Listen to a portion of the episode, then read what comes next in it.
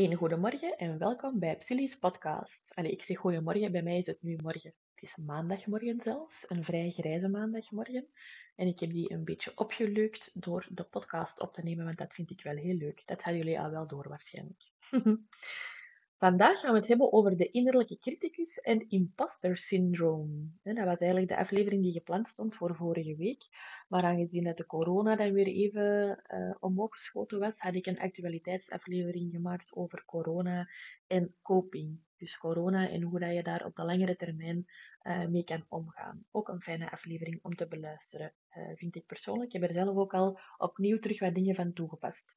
Dus ehm, Practice what you preach, denk ik dan. Oké, dus vandaag de innerlijke criticus en imposter syndroom. Nu, die innerlijke criticus, we hebben daar allemaal last van, of de meeste mensen toch, hebben daar last van. Um, en die is niet zomaar ontstaan. Die is niet zomaar ontstaan, die is uh, gegroeid. Zullen we dat zo zeggen? Die heeft zich ontwikkeld. En die is gebaseerd op verschillende zaken die in ons leven er zijn of gebeurd zijn. Dus in eerste instantie is die innerlijke criticus ontstaan op basis van ervaringen, op basis van ervaringen uit het verleden. En deze vind ik echt wel een heel belangrijke in die zin van, um, het, uh, het kan gebaseerd zijn op ervaringen van falen, dat die innerlijke, innerlijke criticus. Maar ja, ik ga er waarschijnlijk nog wat over struikelen, want dat is echt lastig om dat de hele tijd te zeggen. Maar goed, um, op ervaringen van falen kan die gebaseerd zijn uit het verleden, maar Wees je er bewust van dat je ook evengoed nog nooit echt gefaald kunt hebben en toch heel veel les kunt hebben van die innerlijke criticus, want die gaat er natuurlijk voor zorgen dat je minder faalt, die innerlijke criticus. En als je dan telkens luistert naar wat die zegt en het altijd maar beter en beter en beter doet, ga je altijd maar minder en minder falen, maar ga je jezelf misschien wel een beetje moe maken. dus je kan er ook echt wel last van hebben, ook al ben je nog nooit echt gefaald. Dus dat vind ik wel belangrijk om mee te geven. Dus die kan gebaseerd zijn op ervaringen uit het verleden van falen of van nog nooit gefaald zijn. En die kan ook gebaseerd zijn of groeien op basis uh, van stemmen uit uw omgeving. Dus stemmen uit uw omgeving kunnen ook uit het verleden zijn natuurlijk, of kunnen uit het nu zijn. Stemmen uit uw omgeving uit het verleden, ja, het typische voorbeeld is zo de leerkracht die dat u niet echt moest. En die dat eigenlijk zo alles in de grond boorde um, wat dat jij deed, omdat die je niet moest. Met alle respect voor leerkrachten, want ik heb wel wat leerkrachten die daar als cliënt bij mij komen. En geloof mij, die mensen krijgen heel wat te verduren. maar iedereen heeft toch wel zo een leerkracht waar dat je een moeilijker band mee had. En die dat toch ook wel wat moeilijk had tegenover u. En die dat toch wat kritisch was tegenover u. Dus dat zou een, een voorbeeld kunnen zijn. En dan in het nu, ja, iedereen dat zich in uw omgeving bevindt. Hè. Wie is dat voor u? Dat kan uw baas zijn, dat kunnen uw werknemers zijn als ondernemer. Uh, dat kunnen uw schoonouders zijn, uw ouders zijn, uw broers, uw zussen, uw vriendinnen, uw man, uw vrouw. Hè. Dus dat kan eigenlijk iedereen zijn, uw kinderen. dat kan eigenlijk iedereen zijn die dat nu uh, in, zich in uw omgeving bevindt. Dus die innerlijke criticus groeit of ontwikkelt zich op basis van ervaringen uit het verleden en uit het nu, en op basis van stemmen uit het verleden of uit het nu. Stemmen vanuit je omgeving dan. En die voeden eigenlijk die innerlijke criticus wanneer die innerlijke criticus dus goed gevoed is, hè, dan heeft hij ook veel energie om zich te uiten. Uh, hoe gaat hij zich nu uiten? Ja, meestal via de innerlijke dialoog. Hè, dus via dat gesprekje dat je de hele tijd met jezelf hebt doorheen de dag. En soms ook doorheen de nacht via je dromen. Hè, dus via je innerlijke dialoog. Maar ook via je oordelen over andere mensen. Dus wees je er bewust van, als jij heel oordelend bent tegenover iemand, dat waarschijnlijk je criticus daar wel iets te maken mee heeft. En dat jij dat oordeel dan waarschijnlijk ook heel snel over jezelf zult hebben. Dus heb jij een oordeel over mensen in je omgeving, reflecteer het dan ook eens op jezelf. Wat betekent dat nu eigenlijk voor jezelf? Zij er dan op dat vlak misschien ook heel streng voor jezelf. Zoals bijvoorbeeld het moederschap, het vaderschap, uh, in het verkeer. in het verkeer bijvoorbeeld. Uh, ja, het kunnen heel simpele dingen zijn. Hè? Oordelen over andere mensen. Ook belangrijk uh, bij onze innerlijke criticus. En die innerlijke criticus, als je er niet heel bewust van bent, kan die zich eigenlijk ook wel verstoppen in uh, je lichaam. En als je daar dan klachten begint te ervaren, dan noemen ze dat wel eens psychosomatische klachten. psychosomatische, ik zal het met een iets minder Antwerpse aanzeggen, psychosomatische klachten. Um, en dat zijn klachten die dat zich in uw lichaam uh, gaan uiten, maar die dat wel eigenlijk een geestelijk, mentaal ontstaan hebben. Dus heb je heel de tijd een hele strenge innerlijke criticus die daar zich heel uh, hard gaat uiten. En dan kan dat wel eens zijn dat je daar bijvoorbeeld pijn in je schouders of pijn in je nek van gaat krijgen. Uh, en dat zijn dan die fameuze psychosomatische klachten. Laat dat altijd checken bij de arts. Hè. Gaat er niet zomaar van uit dat je klachten psychosomatisch zijn of mentaal zijn. Uh, laat dat zeker ook altijd checken bij de, bij de dokter. Kleine disclaimer hier. Oké, dus uh, innerlijke dialoog, uh, oordelen over andere mensen, psychosomatische klachten en dan natuurlijk ook in ons gedrag. Dus de innerlijke criticus kan zich ook gaan uiten in ons gedrag. En dat is dan, ja, het meest bekende is dan uitstelgedrag of vermijden. Hè. Zaken uh, waar je niet meer zeker van bent, die dat je wilt doen, gaan uitstellen of gaan vermijden. Oké, okay, wanneer wordt dat nu eigenlijk een probleem? Wanneer, wanneer wordt de innerlijke criticus een probleem? Dat is wanneer het destructief wordt, zouden we dan kunnen zeggen. En dat is dus wanneer alweer uw innerlijke criticus het stuur van de bus gaat overnemen of het podium volledig gaat overnemen. Kort samengevat, hij neemt te veel ruimte in, of zij neemt te veel ruimte in in uw interne dialoog. En dan ontstaat er soms zelfs een, een syndroom. Het imposter syndroom noemen ze dat dan. Het imposter syndroom leidt tot een gevoel van incapabel zijn, tot heel veel zelftwijfel en tot heel veel vergelijken met anderen.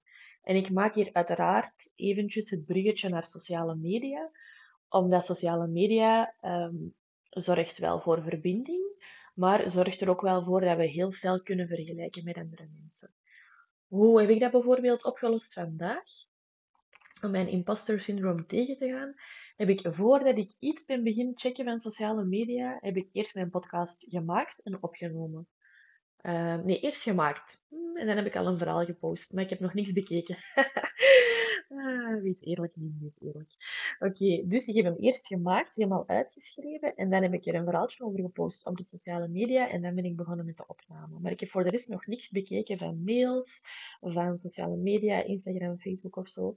En dus trap niet in die vergelijkingsval, om het zo te zeggen. Uh, als je al weet dat je gevoelig bent voor het vergelijken met andere mensen, creëer dan eerst wat je wil creëren en ga dan pas uh, dingen binnennemen van de buitenwereld. Dat is wel eigenlijk een goede tip om dat imposter syndroom tegen te gaan. Dus als u een innerlijke criticus uh, het sturen van de bus of het podium te veel overneemt, kan dat leiden tot dat fameuze imposter syndroom. Um, en dat gaat zich dan uiten in je gedrag, waarbij je, dan bijvoorbeeld weer uitstelgedrag gaat krijgen, of waarbij je dan zelfs gewoon geen plannen gaat maken. Um, richting je doel, zelfs geen plannen meer gaat maken en gewoon gaat blijven hangen ergens. Um, en ook uh, kan zich gaan uiten in je denken, waarbij je bijvoorbeeld constant van visie gaat veranderen en niet kan beslissen over een bepaalde visie te volgen. En kan zich ook weer gaan uiten in ons gevoel. In ons gevoel wil dat dan zeggen dat je bijvoorbeeld overspannen zou kunnen geraken.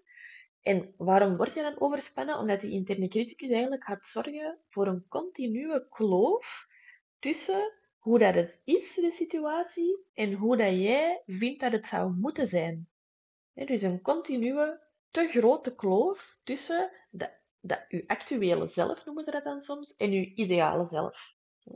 En als die kloof te groot is, dan raken we gedemotiveerd en dan gaan we zaken gaan uitstellen, waarbij je dus geen succeservaringen gaat hebben. Ook weer al een probleem voor ons gemoed. En dat je dus overspannen zou kunnen geraken, omdat je dus in die continue fight zit, die continue spanning zit tussen hoe dat het is en hoe dat het zou moeten zijn. Je kan overspannen geraken, maar je kan ook wel een beetje depressief geraken daarvan, van die interne criticus, innerlijke of interne criticus, omdat die natuurlijk continu voor zo'n negatieve self-talk, noemen ze dat dan in het Engels, een negatief stemmetje tegenover jezelf uh, gaat zorgen. En dan kan je eigenlijk, ja, dan heb je geen zin meer in dingen, hè, als je de hele tijd negatief tegen jezelf aan het praten bent. En dan zouden we kunnen zeggen dat je in een soort van freeze terechtkomt. Dus niet meer in de fight dat tot overspanning leidt, maar in een soort van passieve freeze, waarbij dat je geen zin meer hebt in de dingen en die dat dan leidt tot een soort van depressief gevoel. Dat je eigenlijk een beetje bij de pakken blijft zitten. daar kan die innerlijke criticus ook tot leiden. Dus je kan nu echt wel depressief denken. Dat is mogelijk. Um, vandaar dat het ook zo belangrijk is dat we dan met die innerlijke criticus toch wel iets gaan doen. Daar gaan we het straks over hebben. Wat is nu de hulpvraag waarmee dat mensen dan in therapie komen? Ik heb er enkele, er zijn er, zijn er zeker meerdere, maar ik heb er enkele opgeschreven. En dat is dan bijvoorbeeld, ik zit vast. Ik zit vast en ik raak niet meer vooruit. In privé, professioneel, maakt niet uit, maar je, zit, je hebt gewoon het gevoel dat je vastzit. Of ik ben gespannen, maar ik weet eigenlijk niet waarom. Uh, en waarom is dat dan? Ja, omdat die innerlijke criticus zodanig het stuur van de bus heeft overgenomen dat het bijna een tweede natuur geworden is. Hè, om heel een tijd zo die stroom van innerlijke kritiek te hebben. En een hulpvraag die dat ook wel voorkomt, uh, waar de innerlijke criticus veel mee te maken heeft, is: Ik heb alles, maar ik ben toch niet gelukkig. Dus ik heb eigenlijk alles waar ik naar gestreefd heb. Ik heb een mooi gezin, ik heb een goede job, ik heb wel wat centjes om te spenderen. Maar ik ben toch niet gelukkig, terwijl dit wel het leven is dat ik voor ogen had.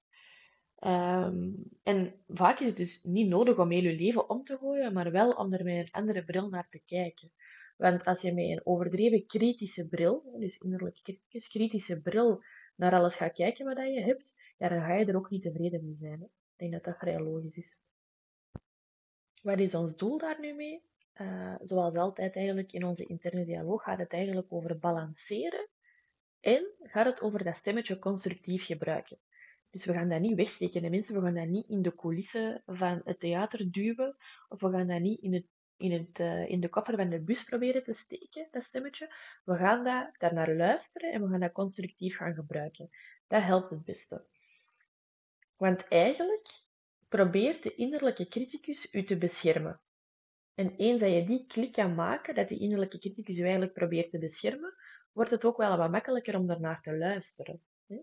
Want, en dat is wel, vind ik, een belangrijk iets om mee te geven, die innerlijke criticus wil er eigenlijk voor zorgen dat je niet gekwetst raakt door de kritiek van andere mensen, door alle kritiek die dat je zou kunnen krijgen, proberen op voorhand te bedenken, zodat die kritiek dan geen verrassing meer is, zodat je daarop voorbereid bent. ja, complex. Hè? Dus ik ga dat nog eens uh, zeggen. Die innerlijke criticus, die probeert ervoor te zorgen dat je niet gekwetst geraakt door de kritiek van andere mensen, door alle kritiek dat je zou kunnen krijgen op voorhand te bedenken en te proberen op te lossen. Hè, die dingen waar, waarover dat je kritiek zou kunnen krijgen. Um, dus voilà, dat probeert die innerlijke criticus te doen. En die probeert u te beschermen. En eens dat je dat door hebt, eens dat je dat beseft, wordt het ook wel iets makkelijker om daarnaar te luisteren. Oké, we gaan dus wel luisteren naar die innerlijke criticus, maar we gaan die zoals altijd ook weer gaan balanceren met andere stemmetjes. En dat is dan de mildheid, de motivatie, de creatieveling, de zelfzekere in uzelf. En dan gaan we een gebalanceerde beslissing nemen. Klinkt weer lekker theoretisch. Hoe gaan we dat nu doen? Je kan dus bijvoorbeeld de oefening van de rechtbank proberen.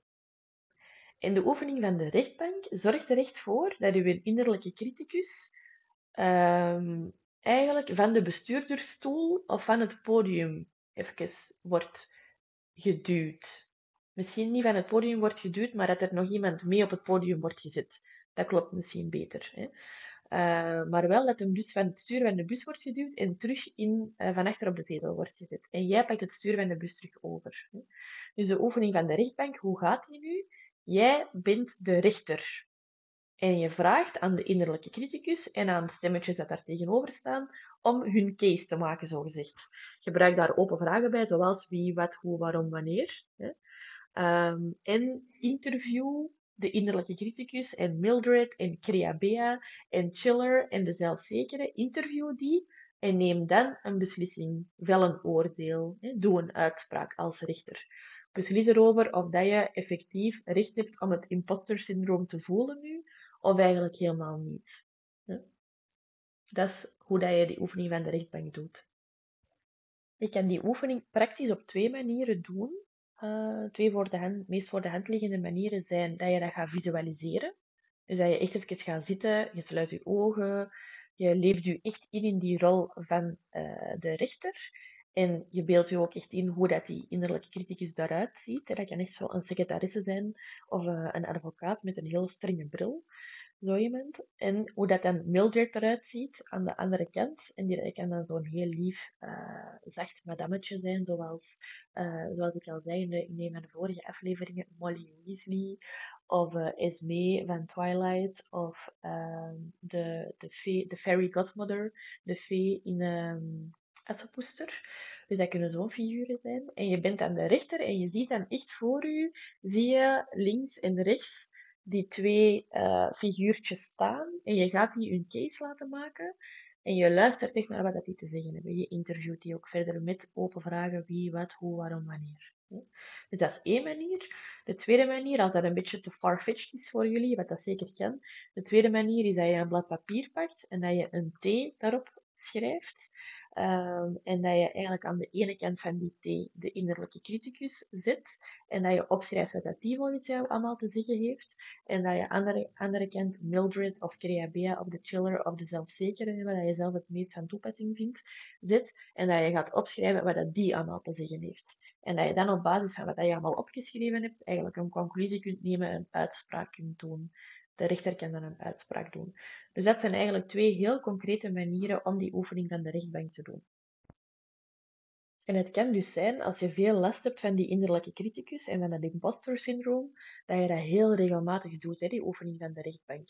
Want als die uh, innerlijke criticus heel vaak de bus overneemt of uh, de hoofdrol speelt op jouw toneel, ja, dan ga je echt hard moeten werken om die uh, wat minder ruimte te laten innemen. En dus dan kan het wel zijn dat je die oefening van de rechtbank heel regelmatig doet.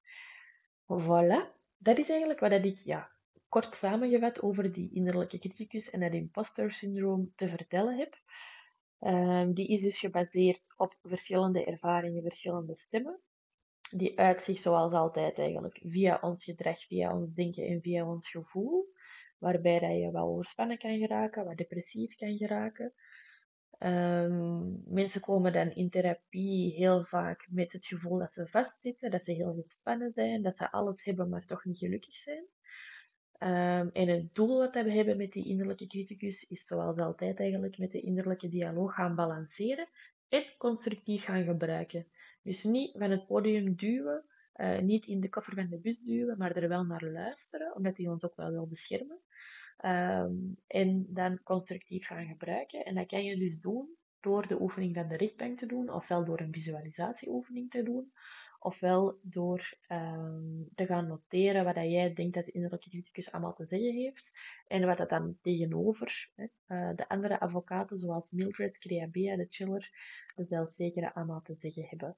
Korte samenvatting van deze podcast over de innerlijke criticus en het imposter syndroom. In de aflevering van volgende week ga ik het hebben over de pleaser. Beetje onbedoeld is dit dus een seizoen geworden over voice dialogue, over ja, de, de, het balanceren van uw innerlijke dialoog. Um, voice dialogue is echt een, een ja, zo wat gepatenteerde techniek dat je kan gaan opzoeken en er bestaan ook opleidingen over. Um, maar hier hebben we het dus vooral over de innerlijke dialoog en hoe dat we die kunnen gaan balanceren. En volgende week ga ik het dus hebben over de pleaser. En de pleaser is dus degene die ervoor zorgt dat we vooral gaan rekening houden met de behoeftes en de verlangens van andere mensen en iets minder met die van onszelf. En hoe kan je daar dan uh, beter mee omgaan? Hoe kan je dat beter gaan balanceren? Daar gaan we het volgende week over hebben. Zoals altijd vind je alle andere informatie over wat ik doe over Psyli via www.psyli.me www.psyli.me, waarbij dat Psyli Y zijn en waarbij dat me, ME is, dus het Engelse mij. www.psyli.me vind je al de rest uh, van wat ik doe, inclusief de shop en de blog. Um, en je kan natuurlijk ook Instagram volgen via psyli underscore sense no grow, waar daar ook nog wel wat leuke gratis uh, content op te vinden is over mentaal welzijn, over welzijn in het algemeen. Bedankt voor het luisteren en graag tot volgende week.